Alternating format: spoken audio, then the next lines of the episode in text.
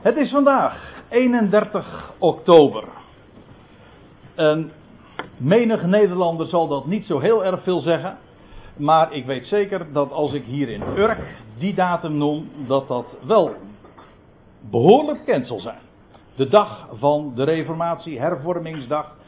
En er zijn heel wat gelegenheden waar dat vandaag ook uh, speciaal aandacht krijgt hervormingsavonden. En je zou kunnen zeggen dat dat vanavond ook het geval is. Ik moet erbij zeggen, eerlijkheidshalve, het is min of meer toevallig dat het 31 oktober uh, vanavond is.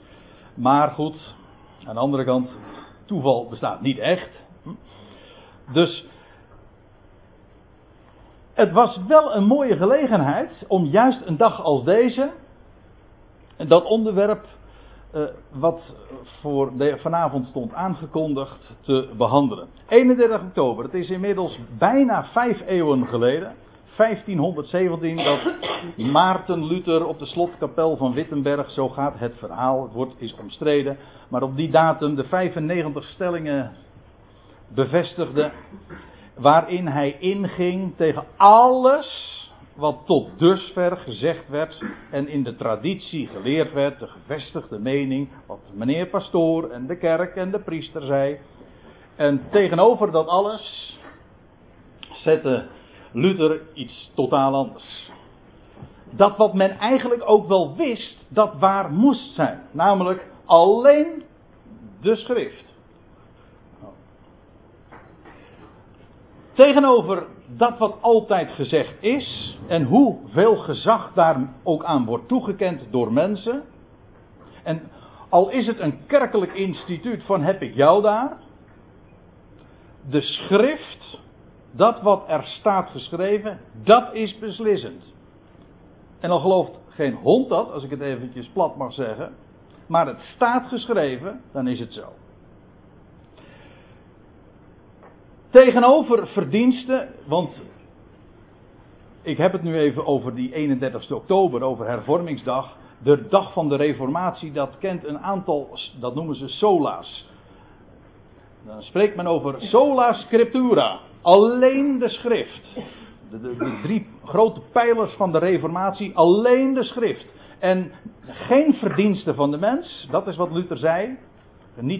Je kunt je zaligheid niet kopen. Het is niet van een mens. Het is niet te verdienen. Het is sola gratia. Dat is op zijn Latijns. We het nou vanavond maar gewoon Nederlands houden. Alleen genade. Dat wil zeggen, het is om niet dat God geeft. Zonder tegenprestatie, zonder voorwaarden, alleen genade. Wat die man toen in die dagen naar voren bracht, mocht een haak staan op alles wat men zei. En hij is erom verguisd, ja nu wordt hij dan geëerd na zoveel eeuwen. Dat is lekker makkelijk. Maar toen in die dagen was dat zeer gedurfd. Maar hij stond op solide bodem, want hij wist waar hij voor stond. En waar hij op stond, namelijk de schrift. En hij was door het lezen van de Romeinenbrief, de brief die apostel Paulus, de apostel en leermeester van de natie, opgetekend had. Door het lezen van die woorden is hij tot geweldige ontdekkingen gekomen. Niet dat hij alles zag, want we gaan vanavond niet uh, Maarten Luther verheerlijken. Maar wat hij toen in die drie sola's, dat, alleen de schrift, alleen genade en nog iets, Alleen geloof. Niet de werken van de mens, nee, geloof alleen. Het aanvaarden, het beamen wat God gesproken heeft. Dat is wat telt. Nou, ik durf te zeggen dat al die dingen, wat hij, naar wat hij in deze dingen naar voren bracht, dat het rechtstreeks ontleend is aan de schrift. En daarom is het op voorhand al waar, maar het is zo krachtig. Zo duidelijk, zo heerlijk, zo geweldig. En het onderstreept ook precies dat wat de Bijbel claimt door te geven, namelijk evangelie. Dat is een blijde tijding of goed nieuws of een goede tijding of een goed bericht. Hoe je het maar hebben wil. Nou, u zag, het thema is allen om niet gerechtvaardigd. En die titel die is ontleend aan Kijk. Er is een nieuwe in bestelling, maar hij was te laat binnengekomen. Dus doen we het zomaar. Die titel is ontleend aan Romeinen 3.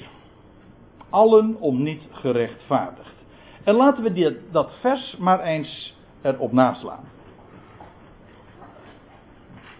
Romeinen 3, vers 23. En ik, u ziet het groot geprojecteerd. En u ziet ook de interlineair, zoals dat met een mooi woord heet, daaronder. Dat wil zeggen, als u daaronder in het scherm kijkt, dan ziet u de Griekse tekst. Dat wil zeggen, de woorden die Paulus optekende. Daaronder staat een woord voor woord, een letterlijke woord voor woord weergave. En daaronder dan weer de wijze waarop de NBG-vertaling dat heeft weergegeven.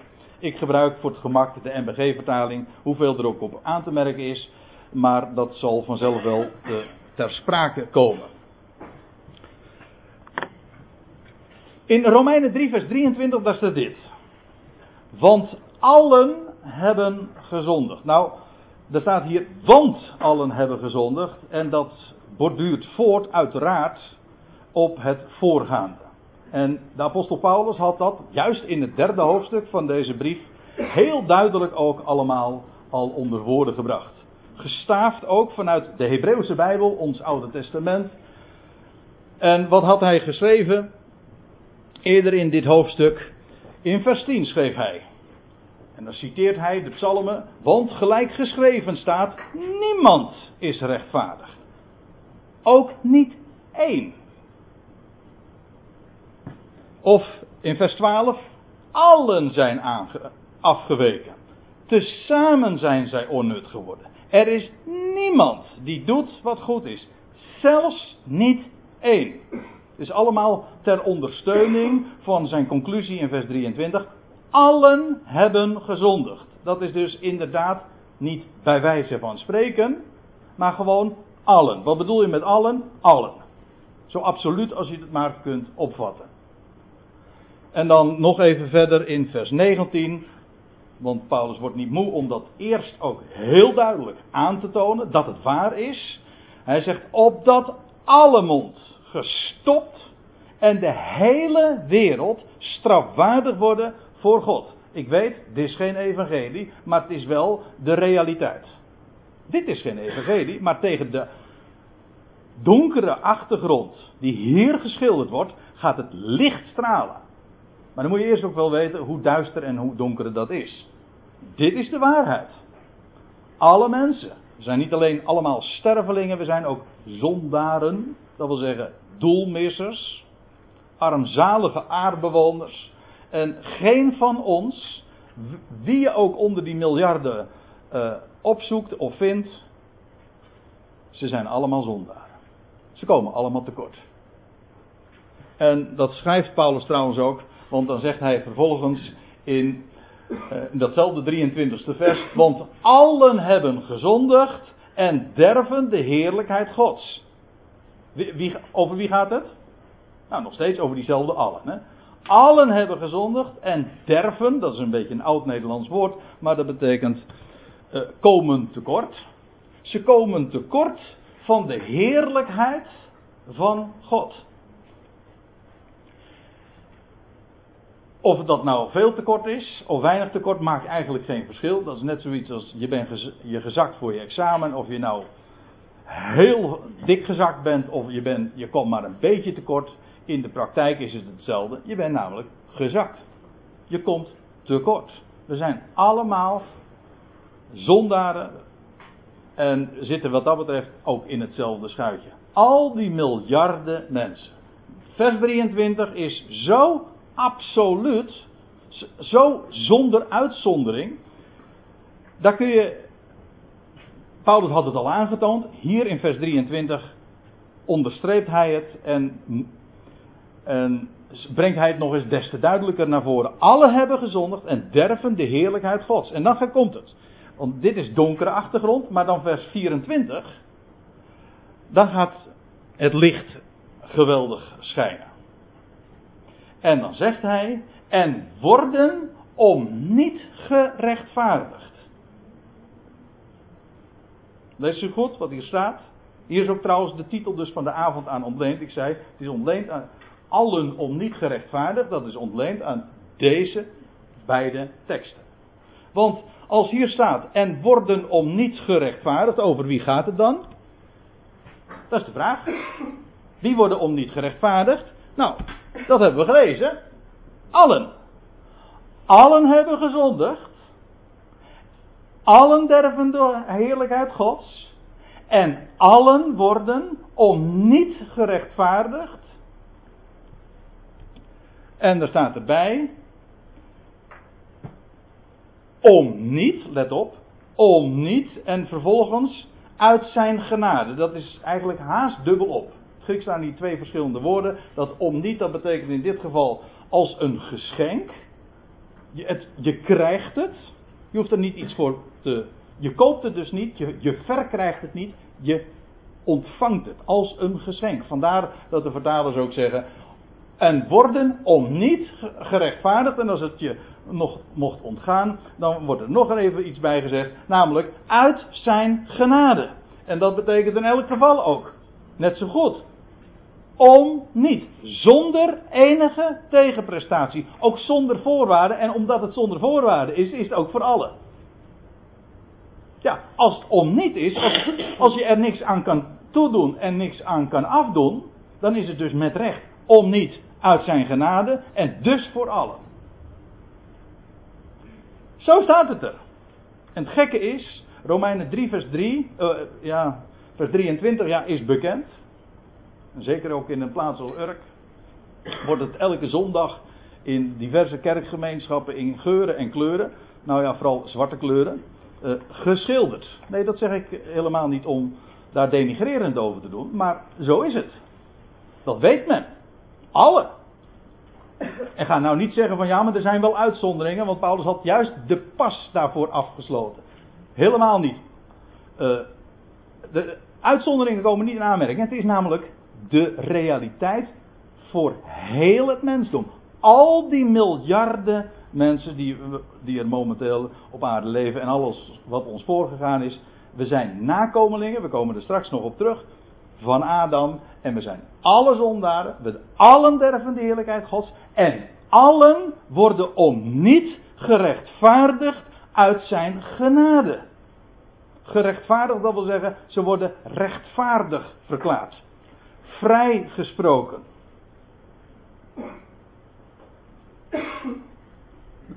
Er staat dus inderdaad allen. En er staat er nog bij, door de verlossing in Christus Jezus. En die, dat woord verlossing, daar staat een Grieks woord en dat betekent letterlijk de vrijkoping.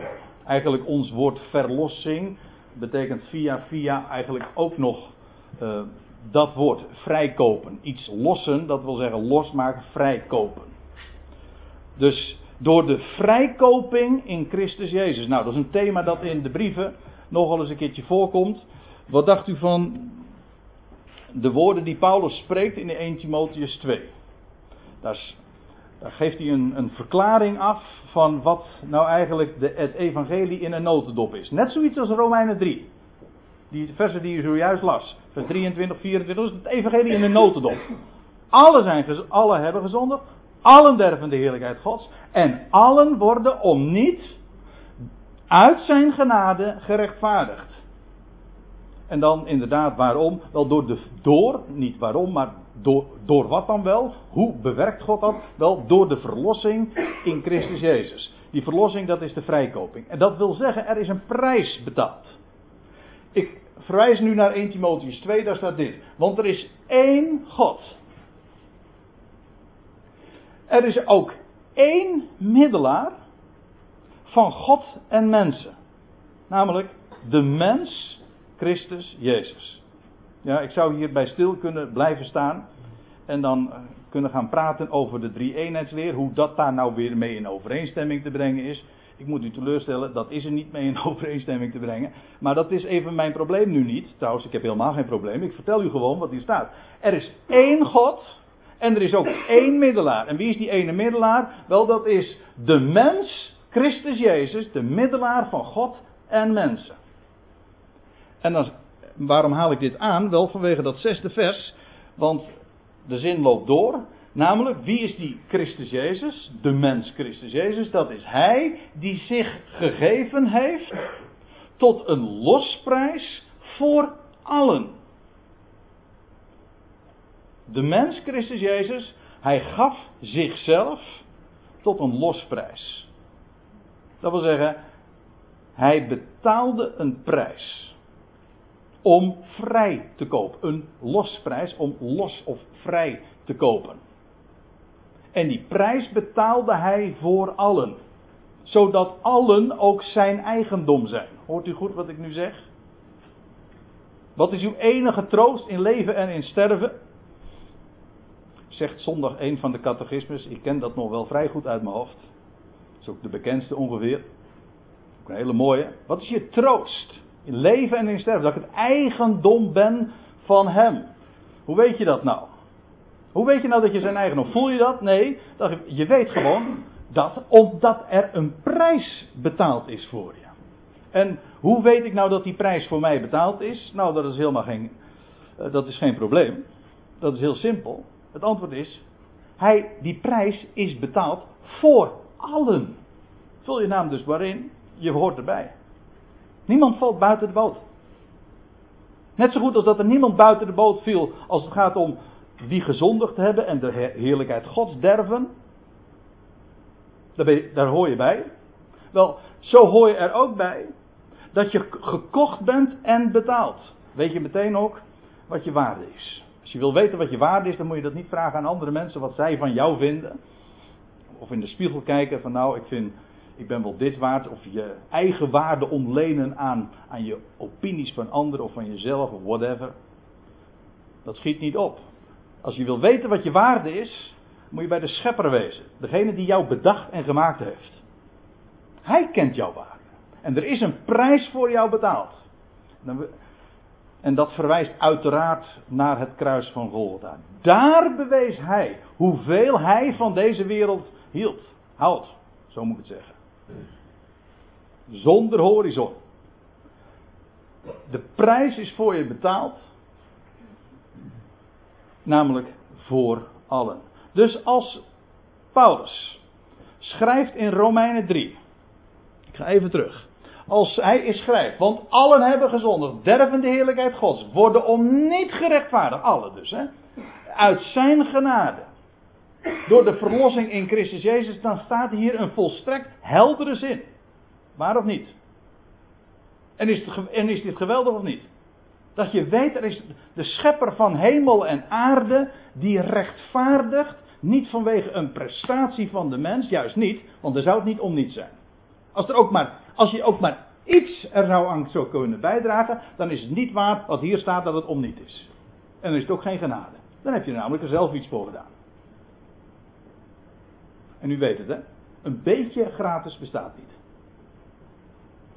Iets is gratis, of het is niet gratis. Dus heel zwart of, zwart of wit. En dan zeggen van ja, maar ik heb er heel weinig voor betaald. Bijna niks. Dat is alleen maar dat ik voor Jezus koos, ik noem maar wat. Dat is het enige wat ik eraan gedaan heb. Dat is niet gratis. Dat is namelijk, dan zeg je, dat is bijna gratis. Maar dat is net zoiets als bijna geslaagd zijn. Dan, dan kom je namelijk nog tekort. Dit is helder. Dit is duidelijk. Ik zal u vertellen, ik lees eventjes verder. En ik zal u een commentaar geven van een, een schrijver in Nederland bekend. H.P. Eh, Medema, dat wil zeggen in de christelijke kringen. Wordt nog eens een keertje voor de EO ook gehaald. En die schreef een boek over de Romeinenbrief. En dat boek heet, ik heb het zelf in de kast staan, Door het geloof rechtvaardig. Dat is ontleend aan de Romeinenbrief. En ik heb zijn commentaar eens erop nageslagen over dit vers. Romeinen 3, vers 23 en 24. En weet u wat hij zei over dit vers? Ik zal het voorlezen. Hij zegt: De zinsconstructie in vers 24 is niet eenvoudig. Hm? Nou, volgens mij is de zinsconstructie zeer eenvoudig. misschien niet eenvoudig om te weerleggen. Of misschien is het niet eenvoudig, dat bedoelt hij inderdaad, blijkens het vervolg. Het is niet eenvoudig, zeg maar gerust onmogelijk, om het in lijn te brengen met de traditionele visie. Wat de kerk altijd verteld heeft. Dat is niet eenvoudig, nee, dat is een eufemisme. Het is namelijk glad onmogelijk. Hij zegt, de zinsconstructie in vers 24 is niet eenvoudig. Hij gaat dat toelichten. Ik zal, u, ik zal het zinsdeel voor zinsdeel eventjes met, de, met u uh, met hem meegaan. Hij zegt, opper, hoezo is het niet eenvoudig? Hij zegt, oppervlakkige lezing lijkt wel tot de conclusie te leiden dat allen hebben gezondigd en allen gerechtvaardigd worden. Nou, beste meneer Medema, dat is geen conclusie. En dat is ook geen oppervlakkige lezing. Dat is gewoon wat er staat. Allen hebben gezondigd en derven de heerlijkheid Gods en worden om niet gerechtvaardigd.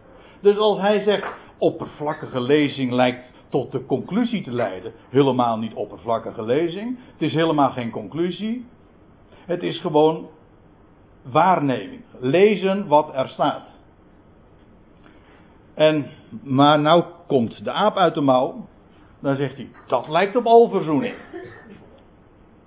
En dat u weet, of misschien weet u dat niet, het zou nog beter zijn.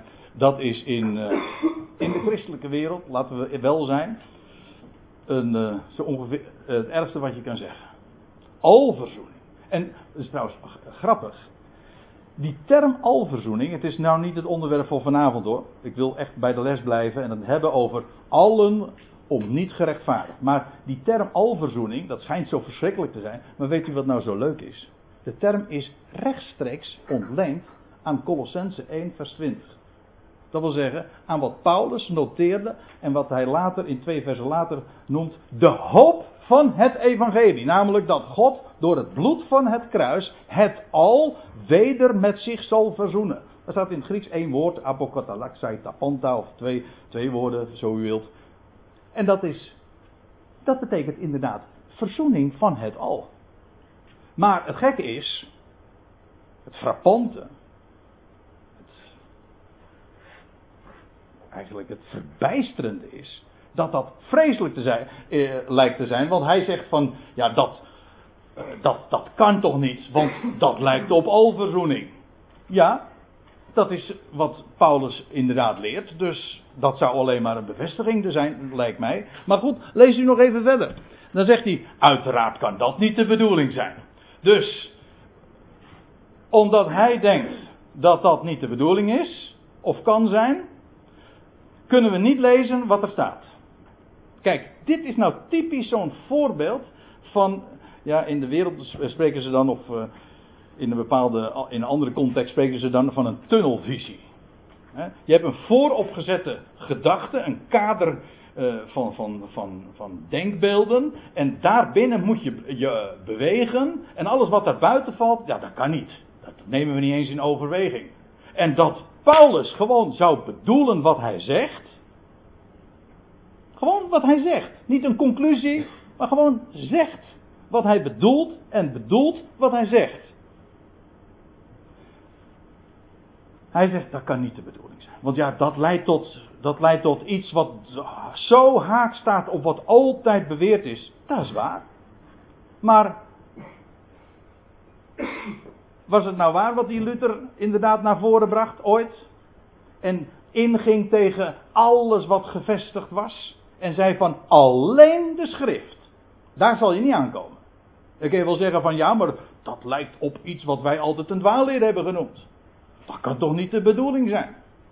Dan gaan we de schrift maar anders lezen. Paulus vat het samen in Romeinen 3 en hij zegt het zo duidelijk. Ja, en dan vervolgt hij nog uh, over dat vers 24 en dan krijgt hij een hele lange uitleg die niet echt interessant is, maar ik zal hem u ook besparen. Hij zegt, maar ja, wat, dat, wat dan wel de verklaring is, dat wil zeggen van vers 24 van Romeinen 3. Ja, heeft de uitleggers nogal wat hoofdbrekens gekost. Ja, dank je de koekoek. Als je niet wil weten wat er staat, dan valt het niet mee om uit te leggen. Maar het punt is, je hoeft het niet uit te leggen, je hoeft het alleen maar te lezen.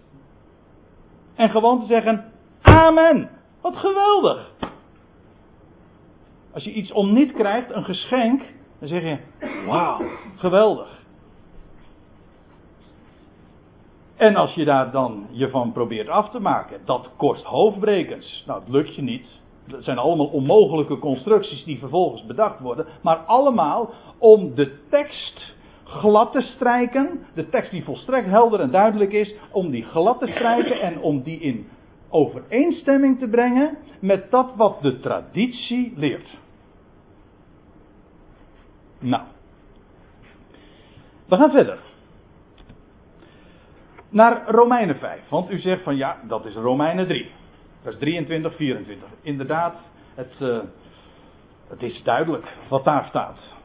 Maar staat het misschien nog op andere plaatsen? Is dit, uh, heeft Paulus misschien toch een klein beetje uh, een fout gemaakt? bedoelde hij dit niet te zeggen?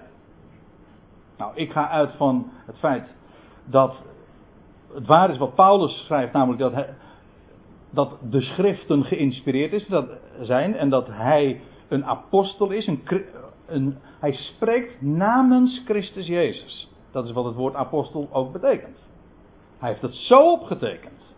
Maar weet u wat nou zo mooi is? Die woorden in Romeinen 3 zijn heel compact, volstrekt duidelijk. Maar hij gaat dat later in het vijfde hoofdstuk nog eens heel uitgebreid is, te, is een groot woord, maar in ieder geval toch uh, breed, redelijk breed, breedvoerig ook uitleggen. Echt inderdaad toelichten. Uitleggen is niet het juiste woord, want er valt niks aan uit te leggen op zich, maar wel aan toe te lichten. Waarom het zo is en niet anders. En in Romeinen 5, vanaf vers 12, begint Paulus te spreken uh, over de grotere verbanden. Dan plaatst hij, in mijn Bijbeltje staat er ook boven, in Romeinen 5 vers 12, uh, Adam en Christus. Nou, dat is een nogal simpele opschrift en dat is precies ook waar het in het navolgende over gaat. Namelijk, Adam wordt geplaatst tegenover Christus. Aan de ene kant wordt uh, gewezen op de overeenkomsten, maar vooral de contrasten worden geschilderd. En dan vers 12 zegt, daarom gelijk door één mens de zonde de wereld is binnengekomen. En door de zonde de dood. Nou, dat is duidelijk hè. Ooit één mens was er voor verantwoordelijk, als ik dat woord mag gebruiken, maar in ieder geval via hem kwam de zonde in, eh, kwam de zonde de wereld binnen, werd, door, wereld, eh, werd de zonde geïntroduceerd in de mensenwereld. En zodoende kwam ook de dood in de wereld. Dat wil zeggen, de mens stierf daadwerkelijk. Werd uit de hof verdreven, had geen toegang tot de boom des levens en ging dood. Zo kwam de dood in de mensenwereld. Dan gaat Paulus, dat doet hij wel vaker, nogal uitweiden. Want hij moet uh, nog andere dingen ook toelichten. En dat doet hij dan allemaal in het navolgende, vers 13 tot en met vers 17. Maar dat is eigenlijk allemaal nog steeds een tussenzin. Waarom? Kijk, als hier staat, daarom gelijk door één mens de zonde is binnengekomen en door de zonde de dood. Dit moet nog een, een tegendeel uh, vinden. Dat wil zeggen, dit, deze zin moet eigenlijk nog aangevuld worden. Als ik zeg van gelijk dit, zo ook dat. Nou, dat heeft Paulus nog, heeft Paulus nog niet gedaan tot en met vers 17. Hij zou er in vers 12 mee beginnen. Gelijk door één mens de zonde de wereld is binnengekomen en door de zonde de dood. Zo is ook, dat verwacht je dan hè. Zo is ook en dan wordt de vergelijking afgemaakt. Paulus gaat het wel doen, maar hij neemt een aanloop. Of je zou ook kunnen zeggen, hij onderbreekt zijn betoog. Vers 13 tot en met vers 17 is een lange tussenzin. Een parenthese noemen ze dat. Maar hij maakt zijn zin wel af. En dat doet hij in vers, 8, in vers 18 van dit hoofdstuk. Dus vers 18 maakt af waar vers 12 mee begon. Namelijk, een, dat was het begin van een vergelijking. En nu wordt de vergelijking gecompleteerd. En dat doet hij in vers 18. En vers 18 is, als je het ook in de, in de Griekse tekst bekijkt, een bijzondere, uh, een bijzondere tekst. En niet alleen inhoudelijk, maar ook de, qua vormgeving. Want het is een zin in telegramstijl. Het is, het is zelfs een zin zonder werkwoord. Dat wil zeggen in de Griekse grondtekst. Het is, Dus met recht in telegramstijl. Wij zouden het haast sms-taal noemen. Heel kort, bondig, maar ook zo duidelijk. En het sluit naadloos aan bij wat we zojuist zagen in Romeinen 3, vers 23 en 24. Want lees maar. Vers 18. Derhalve, gelijk het, door één daad van overtreding. En nou verwijst hij terug naar het allereerste mensenpaar, Adam en Eva, ons aller voorouder. Wel, die aten ooit van de verboden vrucht. Een bekend fenomeen, nietwaar? Eén daad van overtreding. Nou, gelijk het, door één daad van overtreding. En nou komt het voor alle mensen tot veroordeling gekomen is. Veroordeeld tot wat? Staat er hier niet zozeer bij, maar het voorgaande had het al wel gezegd. Namelijk, we zijn veroordeeld om zondaar te zijn. Doelmissers.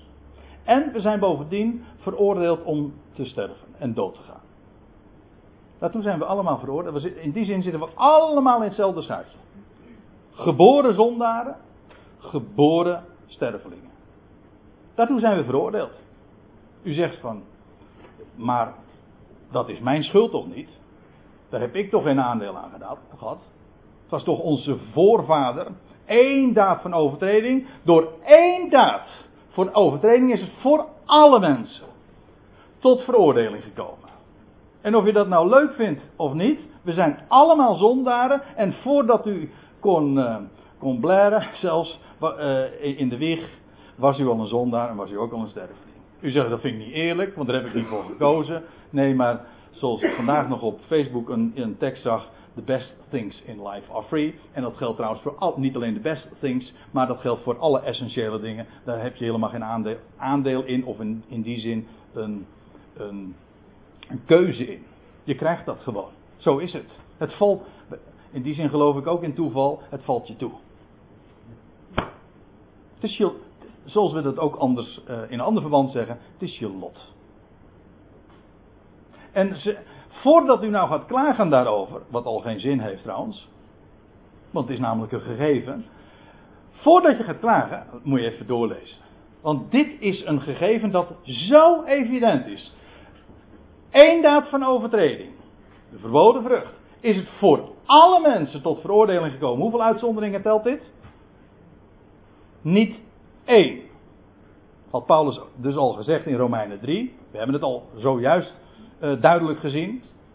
Hier wordt dat nog eens dunnetjes over gedaan. En wordt het gewoon bevestigd als een feit. Het wordt ook verklaard, namelijk het is één daad van overtreding. En dat heeft zijn impact voor heel het Adamitisch nageslacht. We zijn allemaal Adamieten, nakomelingen van Adam, en we zitten allemaal in dat schuitje. Ja, ik blijf maar bij die beeldspraak hier op Urk, dus. Hè. Maar dan komt het. Nou, dit is de vergelijking. Eén daad van overtreding voor alle mensen tot veroordeling. Zo komt het ook en nou dus de vergelijking. En nou, we lezen even door. Door één daad van gerechtigheid, of letterlijk staat er in het Grieks maar dat is één woord. Al die werkwoorden die je hier in de Nederlandse vertaling ziet, die zijn door de vertalers en die erbij gedaan. En dat zeg ik niet als kritiek, maar dat is om er een goede Nederlandse zin van te maken. Maar in het Grieks staat er gewoon, is, is, ik zei het al, is het telegramstijl, geen werkwoorden, door één daad van gerechtigheid, één uiting van gerechtigheid, die ene daad van gerechtigheid, een daad van gehoorzaamheid wordt het uh, in het volgende vers genoemd. Eén daad van gerechtigheid, ook van een mens. Nou, zo komt het ook door één daad van gerechtigheid. Let op, voor alle mensen tot rechtvaardiging ten leven, of zoals u letterlijk ziet, tot rechtvaardiging van leven. Ik laat die details maar eventjes nu uh, voor wat ze zijn. Op zich uh, interessant en belangwekkend genoeg. Maar het gaat me even om de, om de vergelijking. die is zo zuiver, zo loepzuiver. Dit hoef je ook niet uit te leggen. Dit is heel simpel. Ja, je kan zeggen van, het is niet eenvoudig uh, wat deze zin betekent. Want ja, het heeft de uitleggers hoofdbrekens gekost om dit te verklaren. In overeenstemming te brengen met de traditie en wat we altijd gedacht hebben. Ja, dit is, als dit waar, mensen, als dit waar is. Wauw. Ja. Maar wat, wat dacht u wat? Als één daad ooit van Adam ervoor kon zorg dragen dat alle mensen, zonder uitzonderingen, niet door een keuze of zo, het wordt niet aan ze gevraagd, het is gewoon een gegeven, het is een lot. Als één daad van overtreding, die verboden vrucht, alle mensen, u en ik, al het hele mensdom, tot zondaren kon maken. En sterveling. Daartoe zijn we veroordeeld.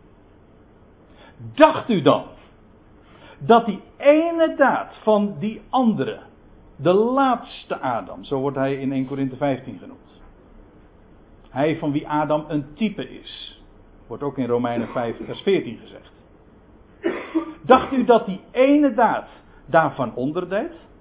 Dan zou je eigenlijk het, de voorgaande versen ook nog even moeten lezen. Dat doe ik nu vanavond niet. Maar dat moet u thuis nog maar eens even doen. Dan wordt juist iedere keer naar voren gebracht. Wel Adam, maar veel meer is juist de laatste Adam. Ga nou niet vertellen dat de die ene daad van gerechtigheid onderdoet van die ene daad van overtreding. A, dat is in strijd met wat Paulus hier, maar in Romeinen 3 ook al had gezegd. En B, het is tegen alle logica, het is een ontering bovendien van de verlossing, van de laatste adem. Hij is veel meer en de impact van zijn daad doet niet onder van de impact van de daad van overtreding van Adam. Ik zou zeggen, prijs God dat dat waar is. En de vergelijking is zo zuiver. kijk, wat men hier altijd van gemaakt heeft, is ja, één daad van overtreding. Alle mensen zijn zondaren, zervelingen geworden. Dat is waar. Maar door die ene daad van gerechtigheid, kruis van Golgotha en opstanding uit de doden, daardoor wordt iedereen die dat aanvaardt, of die dat gelooft, of die daarvoor kiest, of die dat, noem maar wat, noem maar welke voorwaarden op, zij worden gerechtvaardigd. Dan is het niet om niet, is geen geschenk, dan is het ook geen lot. Dan is de vergelijking ook niet zuiver. Het punt was, gelijk zo begon het toch? Gelijk. En dan vervolgens in halverwege de zin, zo komt het ook.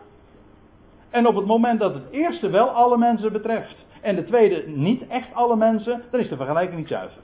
Terwijl Paulus nu juist deze statement maakt om te vertellen dat de vergelijking wel zuiver is. Ziet u hoe krom het is om het, om het te gaan uitleggen. Ik wou zeggen anders uit te leggen, maar, maar om het te gaan uitleggen. Dit is een kind kan dit begrijpen.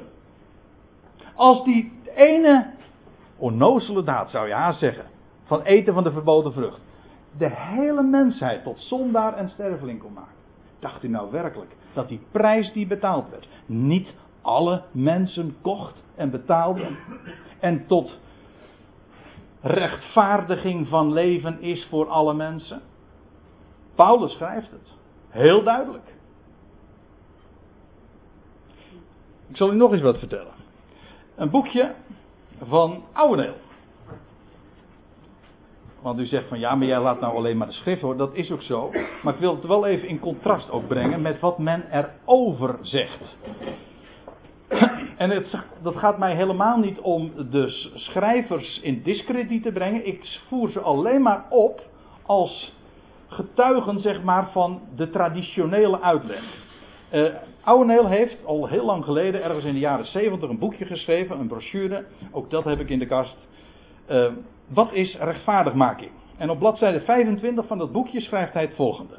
En dan heeft hij het ook, vanwege het onderwerp, over Romeinen 5 natuurlijk, en dan zegt hij dit. Halverwege dat, die bladzijde. Maar keren we terug tot hoofdstuk 5, vers 18. We zagen daar, schrijft hij, de gevolgen zowel van Adams daad als van Christus daad voor de hele mensheid. Inderdaad, dat is het onderwerp. En daar kun je niks uh, tegen inbrengen. Nou, nou zegt hij dit erbij. Dit mogen we niet zo letterlijk opvatten dat ook daadwerkelijk alle mensen gerechtvaardigd worden. Oh, van wie mogen we dat niet? En bovendien, dat staat er wel. Anders is de vergelijking niet zuiver. Blijkt trouwens toch nog iets. Dat wil dus zeggen, als je Romeinen 15, of uh, pardon, Romeinen 5, vers 18 neemt zoals het zich aandient, gewoon letterlijk, gewoon belezen wat er staat, dan leidt dat tot deze conclusie. Namelijk dat alle mensen daadwerkelijk gerechtvaardigd worden. Is dat niet zo, dan kun je Romeinen 5, vers 18 wel uit je Bijbel schrappen, want dan is die vergelijking niet kloppend. En bovendien dan kun je niet alleen vers 18 uit je Bijbeltje schrappen, dan kun je ook dat volgaande hoofdstuk 3 uit je Bijbel schrappen, maar ook dat hele, die uitleg waarin Paulus Adam en Christus naast elkaar zet en vergelijkt. De hele clue van dat gedeelte is juist dat de een een, een één daad verricht, dat impact heeft voor heel de mensheid. Zo heeft ook die andere Adam, de laatste Adam, één daad van gerechtigheid. En heel de mensheid wordt gerechtvaardigd van leven. Dat is wat er staat. En het grappige is, dat vind ik toch wel weer, dat ook de uitleggers, de vertegenwoordigers zeg maar, van het traditionele idee, ook moeten toegeven dat als ze de schrift gewoon nemen zoals het zich aandient, dat dat inderdaad de waarheid is. Zo staat het er. En ze moeten het uitleggen om het kloppend te maken met dat wat ze altijd gedacht hebben. Oké. Nou ja, ik zie me niet tot die taak uh, gesteld. Ik wil graag lezen wat er staat. En dat niet alleen. Ik wil me ook de vreugde van dit geweldige woord. Die blijde tijding. Dat alle mensen in de daad van Christus daadwerkelijk begrepen zijn. Niet ontnemen. Dat is juist het evangelie. Het is om niet. En daarom voor allen. Je kunt er niks aan afdoen en je kunt er ook niks aan toedoen. Is dat geweldig of niet? Nou, we lezen even verder, want in, ik had het over Romeinen 5 vers 18. Maar dan ga ik naar Romeinen 5 vers 19. Want, gelijk door de ongehoorzaamheid van één mens. Paulus gaat hier dus, dat blijkt uit het eerste woordje, nog nader toelichten en motiveren. Want gelijk door de ongehoorzaamheid van één mens, dat is dus. Wacht even. Eh, dat is die daad van overtreding. Die daad van overtreding, dat is hier in vers 19 die ongehoorzaamheid van die ene mens. Nou, gelijk door de ongehoorzaamheid van één mens, zeer velen zondaren geworden zijn. Wie zijn dat? Zeer velen. Dat zijn die allen van vers 18. Nou moet ik erbij zeggen, dat zeer velen staat er eigenlijk niet hoor. Er staat, u ziet het, de velen. De velen, welke velen? Nou, de allen van vers 18. Dat de is ook hier aanwijzend. Het is een bepaald lidwoord, geeft aan alle mensen. En inderdaad, dat zijn er velen. Ja, ik weet, ook hier hebben uitleggers, dat is dan weer zo'n zo'n achterdeurtje waar men probeert te ontwijken. Zeggen ze, ja, maar kijk, vers 18 zegt wel allen, maar kijk eens, in vers 19 daar staat velen. Ha, dus niet allen. Nou, leuk geprobeerd, maar dat klopt van geen meter, want er staat, er staat A, niet zeer velen, er staat gewoon de velen en die, dat wijst het voorgaande aan. Bovendien, nou vraag ik u, gelijk door de ongehoorzaamheid van één mens de velen zondaren geworden zijn. Wie zijn dat? Of laat ik het anders vragen. Welke uitzonderingen zijn daarop? Geen één. Dat hadden we toch al gezien. Dus hoe je het ook bent of keert, de velen hier, dat zijn gewoon allen. En aangezien die allen velen zijn, me dunkt, miljarden mensen vind ik aardig wat. Dat komt wel in aanmerking om uh, velen genoemd te worden. Niet waar? Wel, gelijk door de ongehoorzaamheid van één mens de velen zondaren geworden zijn. Als u een statenvertaling hebt, dan ziet u dat hier iets anders staat. Net iets anders. Er staat niet geworden zijn, staat er veel sterker. Er staat dit woord. In het Grieks, were constituted, dat is de Engelse woord voor woord weergave. Er staat eh, in de Statenvertaling, en dat is heel letterlijk weergegeven, heel correct, namelijk gesteld zijn. In het Grieks staat er eigenlijk een woord dat zoiets betekent als neergezet zijn. Ze zijn gesteld tot zondaren, neergezet, of zo u wilt, ingezet of neergezet. Ze zijn het maar niet alleen geworden, ze zijn zo ingezet. Nou, we hadden het al even over uh, je lot. Nou, dat is, uh, dat is inderdaad lot, ja. Dat is je lot. Je bent ingezet. Als je vraagt van, heb je daarvoor gekozen? Niemand heeft ervoor gekozen. Er is niemand die hier zit ervoor gekozen heeft om een zondaar of een sterveling te zijn. Je was het namelijk al voordat je uh, überhaupt kon kiezen. Voordat je zelfs kon denken. Je bent namelijk zo ingezet. Zeg, het is oneerlijk. Had het eerst wel even aan mij gevraagd mogen worden. Beste mensen, we zijn schepselen. Creaties van Hem. Hij heeft ons geschapen. Hij heeft ons gemaakt, hij heeft ons geboetseerd en hij zet in tot zondaar. Al die miljarden mensen zijn ingezet tot zondaar. Gesteld.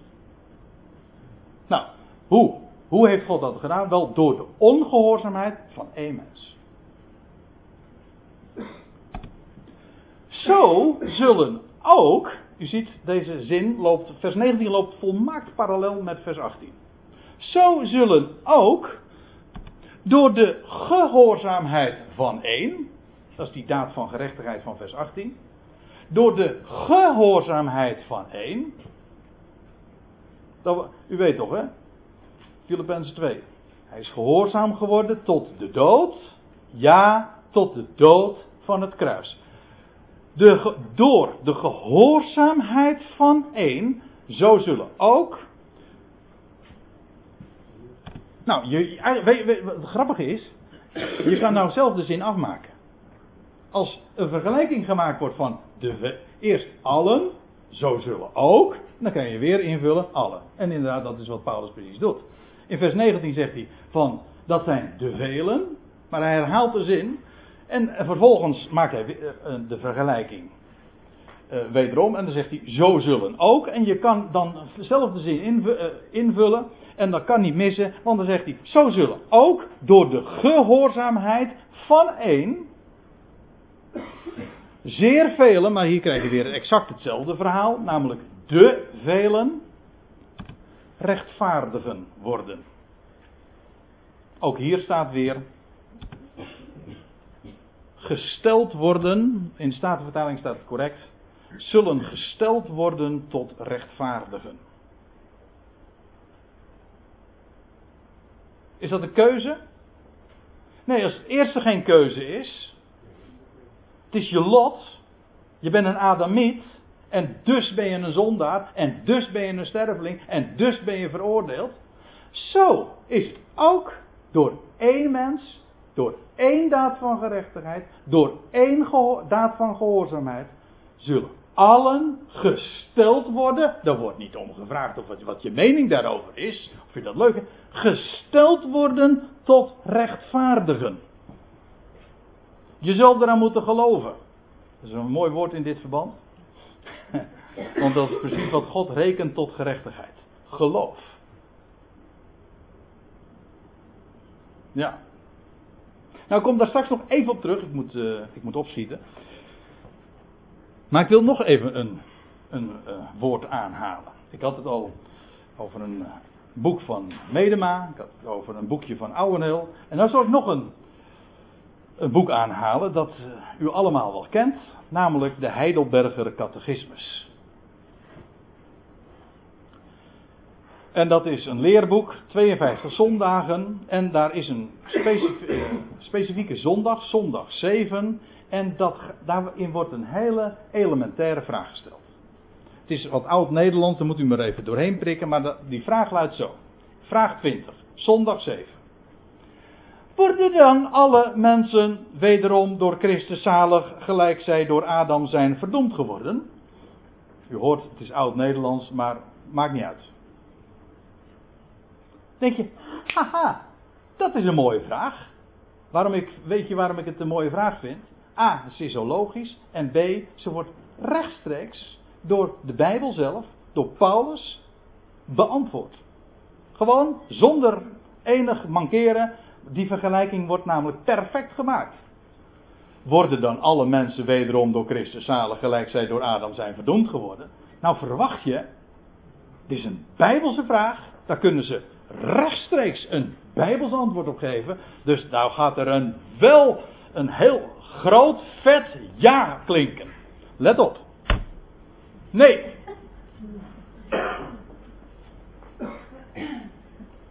Mijn hemel, wat krijgen we nou?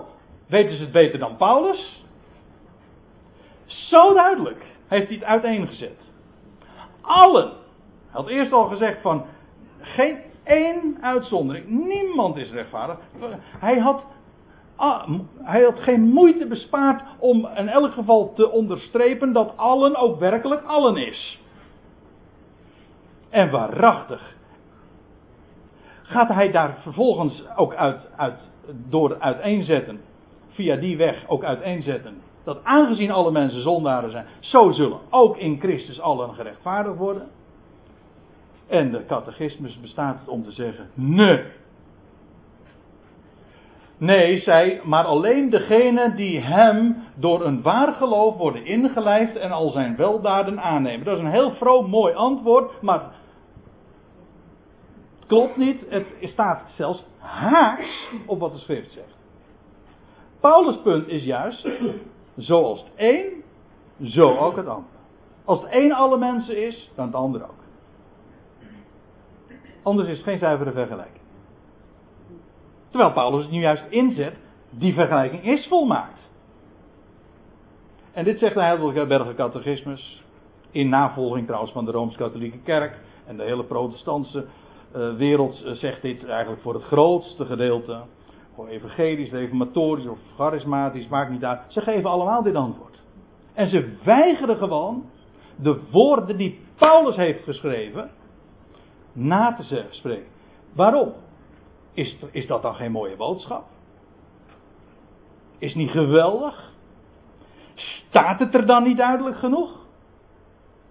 Is het niet logisch? Het antwoord is: jawel, maar het druist in tegen alles wat wij hebben geleerd en gedacht. Want de mens wordt eigenlijk gewoon van nul en generlei waarde. Dat wil zeggen zijn eigen inbreng. En dat is niet leuk voor de godsdienstige mensen. Want je wil zelf werken, iets verdienen. Of zeggen van ja, maar ik heb voor Jezus gekozen of zo. Heeft er allemaal niks mee te maken. Kijk, dan kunnen ze wel zeggen van je moet wel geloven. Want dat zeggen ze dan. Ja, maar je moet wel geloven. Weet je wat dat betekent? Degene die dat zeggen, ze geloven het zelf niet. Dan zeggen ze dit. Ja. Nou ja, nou moet ik, nou moet ik wel heel ver terug gaan. Maar het maakt niet uit. Hier, dit vers 18. Alle mensen. Tot veroordeling gekomen. Alle mensen gerechtvaardigd. Ja, maar je moet wel geloven. Degenen die dat zeggen, geloven dit niet. Dus daarmee bestrijden ze zichzelf. Ze, ze, ze, maken, ze maken hun eigen positie daardoor onmogelijk.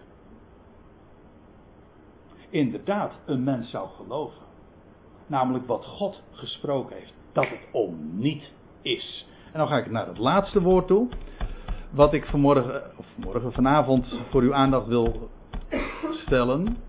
Dan gaan we nog naar Romeinen 4. We waren in Romeinen 3. Toen gingen we naar Romeinen 5. En dan gaan we nog even terug naar Romeinen 4. Want in deze hoofdstukken zet Paulus zo fundamenteel uiteen. Dat het inderdaad om niet is. En dat het alle mensen betreft. En wat rechtvaardiging is. In Romeinen 4. Daar lees je dit. En ik, eh, helaas, ik moet midden in de zin nu gaan invallen. In het voorgaande vers, u kunt het zo zelf ook nalezen, dan zie je nog dat Paulus zegt, uh, uitlegt dat het niet om werken is. Het is geen verdienste, het is geen loon. Want hij had het voorbeeld van, Paulus, van, pardon, van Abraham aangehaald. En dan zegt hij dit. Hem echter die niet werkt, niet verdient. Maar zijn geloof vestigt op hem. Eigenlijk staat er gewoon dit. Maar dat zijn geloof vestigt is eigenlijk één woord. Namelijk geloof. Maar gelooft op hem. En dit, ik zei al, dit verwijst terug naar het voorbeeld van Abraham. U ziet dat in de eerste eh, vers 1, 2 en 3 van dit hoofdstuk. En dat is een prachtige geschiedenis. Paulus verwijst direct naar Genesis 15. Want er staat, daar lees je dat Abraham op een nacht naar, naar buiten geroepen wordt. En dan mag hij omhoog kijken en naar de sterren des hemels. En dan zegt God tegen hem: Zo zal jouw nageslacht zijn. Let op, dat was een onvoorwaardelijke belofte.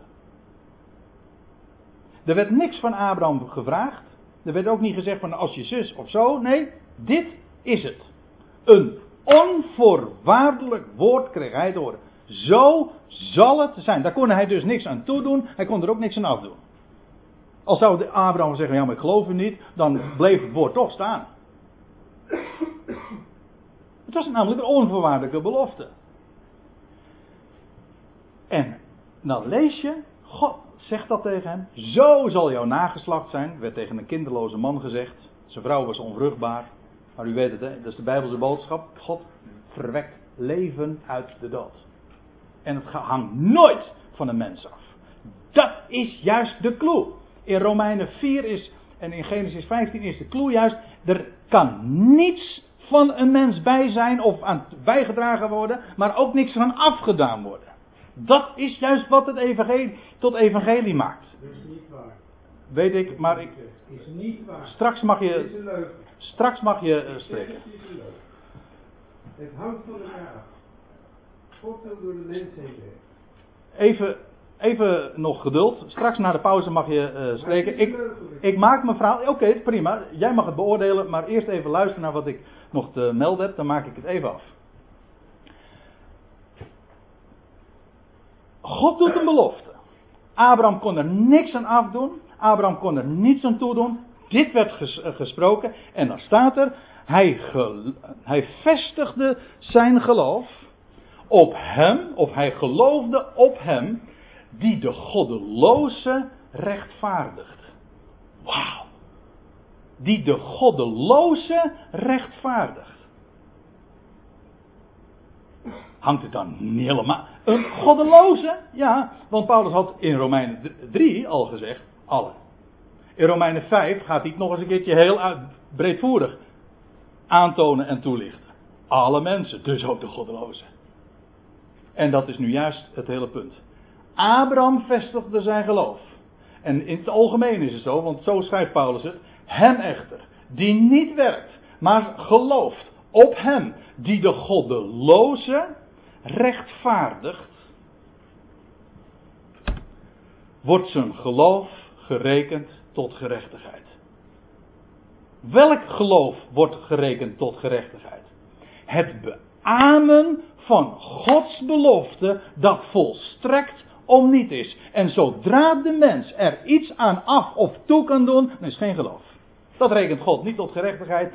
En weet u wat nou het allermooiste is? God doet geloof. Geloof is geen verdienste. Moment. Even tussendoor. Abraham was toch ook impotent? Ja, Dus niet alleen zijn vrouw. Ja, maar dat was bij een latere gelegenheid. Maar eh, ge- ge- nog even de gelegenheid. Wil ik eh, even afsluiten. Zijn geloof werd hem gerekend tot gerechtigheid. En hoe was het nou dat Abraham geloofde? Is dat een prestatie? Als je gelooft. Je, geloof betekent vertrouwen. Hoe komt het nou dat je vertrouwt? Dat je gelooft. Is dat, is dat iets van jezelf? Kun je ervoor kiezen om iets te geloven? Nee. Ik kan er niet voor kiezen, bijvoorbeeld, ik kan er niet voor kiezen dat, uh, dat Sinterklaas echt bestaat en Zwarte Piet. Ja, ik ben zelf een zwart, een, nou ja. Hè? Ik ben een Piet. Maar ik kan er niet voor geloven. Ik kan, ooit heb ik het als kind geloofd, omdat het me wijs gemaakt werd. Dat, ik vertrouwde daar gewoon op, want het zal waar zijn wat men zegt. En op een gegeven moment bleek dat het niet zo was. Dat is een kwestie. Je, je krijgt vertrouwen. Of vertrouwen wordt gewekt. Je, God is het die een mens doet geloven. Staat ook in Efeze 2. Het is een gave Gods. Hij overtuigt je. En jij wordt overtuigd. En God overtuigde Abraham. Het was zijn werk. En Abraham beaamde God. Hij geloofde God. En God zegt: Dat is wat ik tot gerechtigheid reken. Want het is mijn belofte. Onvoorwaardelijk. En ik ben het ook die jou overtuigt. En waar blijft dan het roemen? Het is uitgesloten. Het is alles zijn werk. En dat is wat Abraham ook geloofde, beaamde. Dat is ook werkelijk het evangelie.